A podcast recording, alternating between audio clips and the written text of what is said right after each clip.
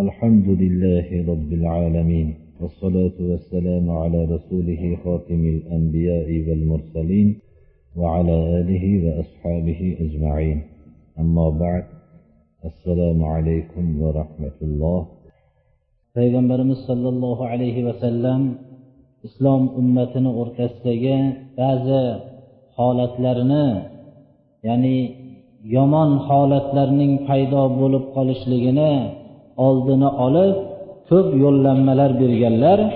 Mana shu yo'llanmalardan bittasi hozir o'qib bermoqchi bo'lgan hadis sharifimiz. Islom dinining olami bashariyatga bo'lgan marhamati ko'p. Ulardan bittasi shuki islom dini bir musibat yo odamlar o'rtasidagi yomonlikni paydo bo'lgandan keyin uni yechimiga harakat qilishligi bilan birga oldini olishlikka ko'proq e'tibor beradi. Boshqa maslaklarda ko'p narsalarning noto'g'riligi voqealar sodir bo'lgandan keyin ma'lum bo'lsa islom dini jo'natgan zot avvalu oxirgi hamma voqeadan xabardor. Olimus sirri val xafiyot bo'lgan zot bo'lganligi uchun bandalarning yomonlikka o'tishliklarini oldini to qiyomatgacha bo'lgan holatlarni hammasini bizga nozil qilib yomonlikka odamlarning o'tib ketish oldini bildiruvchi yo'lni bizga jo'natgan. Payg'ambar butun alayhissalom mana shu yo'llarni alloh subhanahu va taolo tarafidan bizga olib kelgan.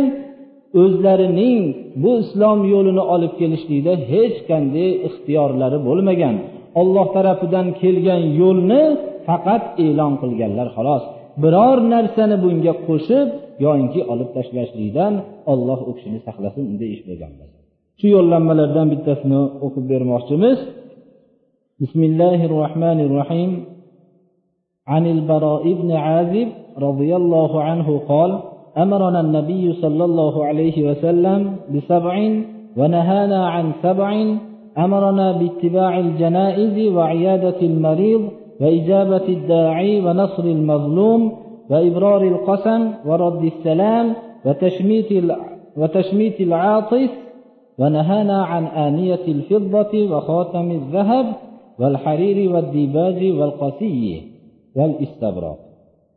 hadis sharifni rivoyat qiluvchi ashobi ikromlardan baro ibn ozib ekanlar roziyallohu anhu. Bu kishi aytadilarki payg'ambarimiz sollallohu alayhi vasallam bizlarni yetti narsaga buyurdilar.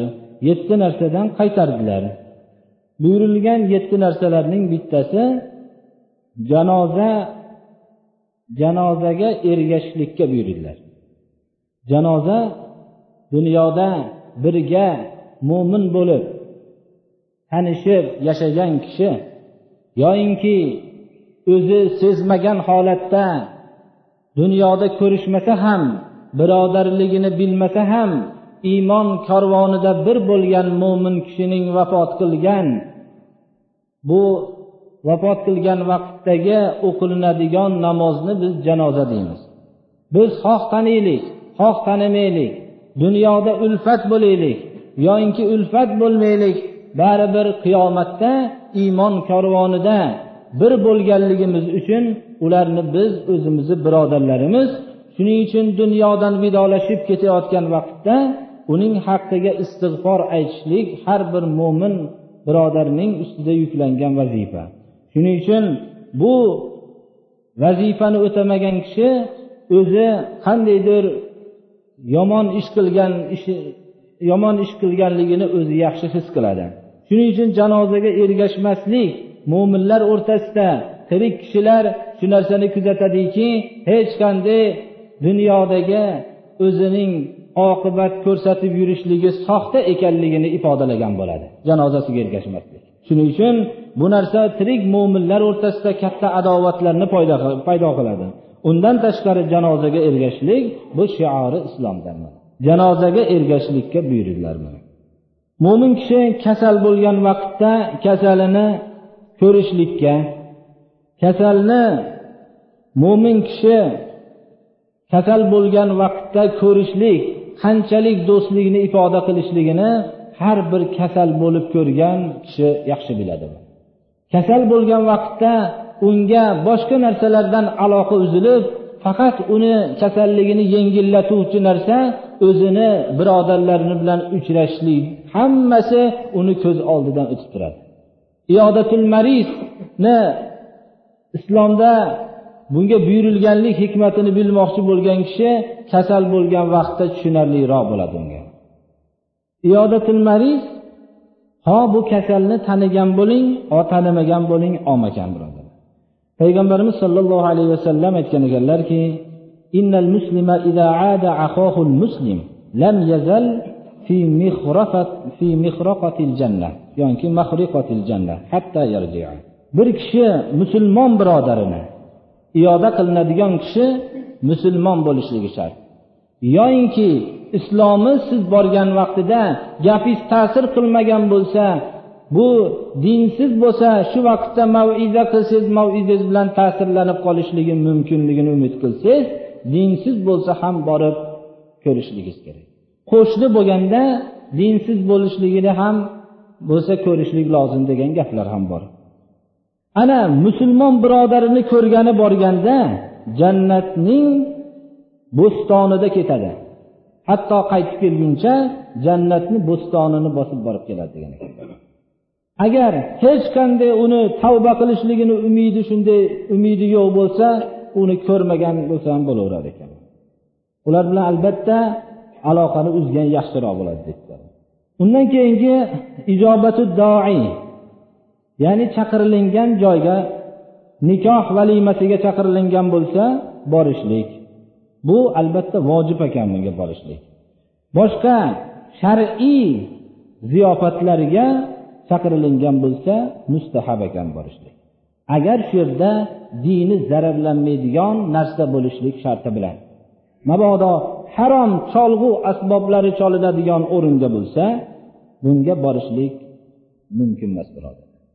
Mabodo borgan vaqtida erkak kishi bo'lsa boruvchi ipak to'shakni ustiga o'tirishlik lozim keladigan bo'lsa ham bormasin dedilar chunki ipak erkak kishiga harom edi. Ipakni alloh taolo ayollarga ziynat uchun yaratgan. Uni tagiga to'shak qilib solib olishlik bu ipakni isrof qilishlik bo'ladi. Mabodo shu yerda ichimliklar shunda kayf qiluvchi boshqa kashandalik holatlarini ko'rishlik paydo bo'ladigan bo'lsa ham bormaslik albatta zarur ekan birodar. Islomning bizga aytilgan so'zlarini faqat o'zini tagini tushunmasdan zohirini olib targ'ib qilishligimiz mumkin emas birodar.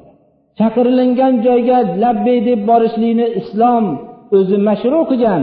Boshqa maslaklar buni bilmagan holatda shuni mashru qilgan. Lekin munkar bo'lgan joyga bormaslikni ham islom yaxshilab tayinlab qo'ygan shuni bilishimiz kerak. Hatto kasalni ko'rgani borsa g'iybatga sabab bo'ladigan suhbat bo'lsa bormasin deyilgan endi bizlar bo'lsa pul sarf qilib bir joyga borib g'iybat qilib kelyapmiz birodarlar. Mana shu amalni ham o'zimiz tekshirib qo'ydik. Mazlumga yordam berishlikka islom buyurdi. Ha mazlumni yonini oladigan mabodo dunyoda yo'l bo'lsa shu islom yo'la shu bilib qo'yishimiz islom doim mazlumni yanini olib kelgan. Mazlum bir voqeani ustidan ko'rib turgan bo'lsangiz mazlum holatini albatta mazlumni tarafini olishlikka payg'ambarimiz sollallohu alayhi vasallam buyurdilar qasamnida sodiq qasam ichgan qasamini tasdiqlashlikka. Agar qasam ichilingan narsa shariat man qilgan narsalar bo'lmasin. Agar qasam ichilingan narsa harom bo'ladigan bo'lsa albatta buni qilmaydi. Kaforat beradi bu narsaga. Mabodo mana ko'p qasamlar borki johillik holatda paydo bo'ladigan agar shu ishni qilmasam men oilam bilan buzilaman deydigan narsalar bor. Bu qasam ichilinadigan narsalar shariat man qilgan narsalar bo'lsa u narsalarni qilmaslik kerak. Bu shariat buyurgan narsalarga qasam ichib shuni bajarib beraman desa islom mo'min kishining og'zidagi so'zni shunaqa e'tiborga olganki ichgan qasamida albatta buni tasdiqlashlikka harakat qilsin. Mo'min kishining og'zidan chiqqan so'zni e'tibor qilishlik hatto og'zidan hazillashib chiqarib yuborgan taloq kalimasi bo'lsa ayoli taloq bo'lib qoladi. Shuning uchun og'izdan chiqqan so'zni e'tibori juda kuchli. Shuning uchun og'zidan chiqqan so'zda mustahkam turishlikka payg'ambar sollallohu alayhi vasallam shunga buyurdilar.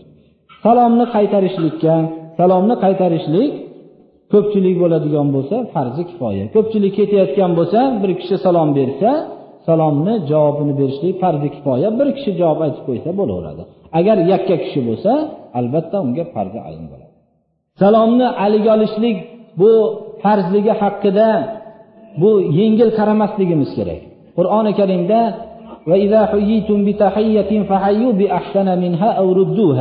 agar sizlarga salom berilsa salomga javob aytinglar. Yaxshi o'zi miqdorida yo yaxshiroq miqdorda salom aytinglar. Assalomu alaykum desa va alaykum assalom. Yoyinki va alaykum assalom va rahmatullohi va barakatuh. Bu ko'paytiribroq salom berishlikni surati shu. Endi salomni qaytarishlik islomda farzi kifoya qilinganligini bir kishiga salom bersangiz sizga ko'rib turib haligi ketsa umrbod shu bilan o'rtangizda adovat paydo bo'lib qoladi. Ana shuning uchun salomni aligini qattiq islom e'tibor qilishligining siri shu salom ya'ni bu ajoyib bir ne'matki biz o'zi bir millat to'planib turgan joyda buning hikmatini bilmaymiz. Hamma millatlar to'plangan vaqtda siz bu oldingizda kelayotgan odamlar bu dushmanlaringizmi do'stlaringizmi bilmay turgan vaqtingizda assalomu alaykum deyishlik bilan ana shu yerda hamma ittifoq bo'lib birdan bo'lib ketib qolaveradi. O'zingizni do'stlaringiz ekanligini bir kalima bilan qaysi hech qanday ichidagi maqsadini ifodalanmayotgan vaqtda ham bilib olaverasizlar. Shuning uchun javobi nihoyatda e'tiborli bo'lishligi payg'ambarimiz sollallohu alayhi vasallam yana buyurgan narsalardan bittasi atsa urgan kishiga javob aytishlik mana. Atsa urgan odam alhamdulillah desa yarhamukalloh deb javob qilib qo'yishlik. Agar alhamdulillah kalimasini aytmasa uni hech qanday iymonida shubha paydo bo'ladida u gar allohni rahmati bo'lsin deyishlikka noloyiq odam bo'ladi ketaverasiz undan payg'ambarimiz sallallohu alayhi vasallam nahiy qilgan narsalarni ichida kumush idishlarda ovqatlanishlikdan qaytardilar. Tillo uzugini taqishlikdan qaytardilar. Ipak kiyimlarni kiyishlikdan qaytardilar. Diboj diboj bu ipakdan tayyorlanadigan bir kiyim. Hosiy bu o'rishiga ko'proq ipak ishlatiladigan kiyim. Istabroq bir qo'polroq ipakdan tayyorlangan kiyimni aytamiz. Qosiy shomdan olib keltirilar ekan shu vaqtlarda o'rishi ipakdan qilinar ekan. Shu narsalardan qaytardilar. Yetti narsalardan qaytarganlar bittasi imom buxoriyni rivoyatlarida nima bo'lib qolgan ekan? Bu hozir bu hadisda aytilmagan ekan. Mayotir ya'ni markablarni egarlarni ustiga ipakdan bir yopqich qilinishar ekan. Shuni ustiga o'tirib ketishar ekanlar. Mana shu narsadan qaytardilar. Hozirgi zamonda mashinalarda o'tirayotgan kishilar o'zlarining tagiga ipak to'shakchalarni qo'yib o'tirishlikdan qaytarilgan bilan barobar. Tillo idishlardan ovqatlanishlikdan qaytarishligi islomning nihoyatda bir katta bir bu ta'siriki mana shu odamlar o'rtasida hozirgi mana xalqaro muomalada tillo muomalasi bo'ladi. Xalqaro muomalada tillo muomalasi bo'lganda endi u xalqaro muomalaga chiqarilingan narsani bir oddiy bir odam keraksiz qilib bir idishni qo'yib olishligi bu nihoyatda zararli ekanligini. Yer yuzida insonlar ko'p. Har bittalari bittadan qilib olganda tamomiy moli mulk odamlarning butun e, idish chizadigan idishlarida keraksiz bir mato bo'lib turadi. Undan tashqari inson unchalik tillo idishlikda ovqatlanishlikka muhtoj emas mana shu narsani islom tushuntirgan boshqa maslaklar tushuntirmasligi natijasida tillo xalqaro muomalada bo'lib yurgan odamlarning manfaati uchun xizmat qiladigan moli davlat birovlarning eshigida teng yotibdi mana keraksiz deb mana bu narsa bu islomning ana shu maishatga qarshiligidan undan tashqari islom bir narsaga buyurayotganda bir narsadan qaytarib qo'yishligi mana shu insondagi iroda quvvatini kuchaytirishligiki inson degan narsa ma'lum bir narsadan o'zini qaytaradigan bo'lishi kerak. Shu bilan boshqa mavjudotdan farq qilib turadi. Bular o'zi shu narsalarni tagidagi hikmatlarni tekshirilsa tamomiy insonlar o'rtasidagi kelishmovchilik xalqaro kelishmovchilik mana shu narsalarni oddiy ko'rinishda oddiy bo'lgani bilan nihoyatda chuqur hikmatlar borligi ma'lum bo'ladi. Alloh taolo parvardigori to'g'ri yo'lga boshlasin. Mana shu islom axloqlariga bizni ham muttasif qilsin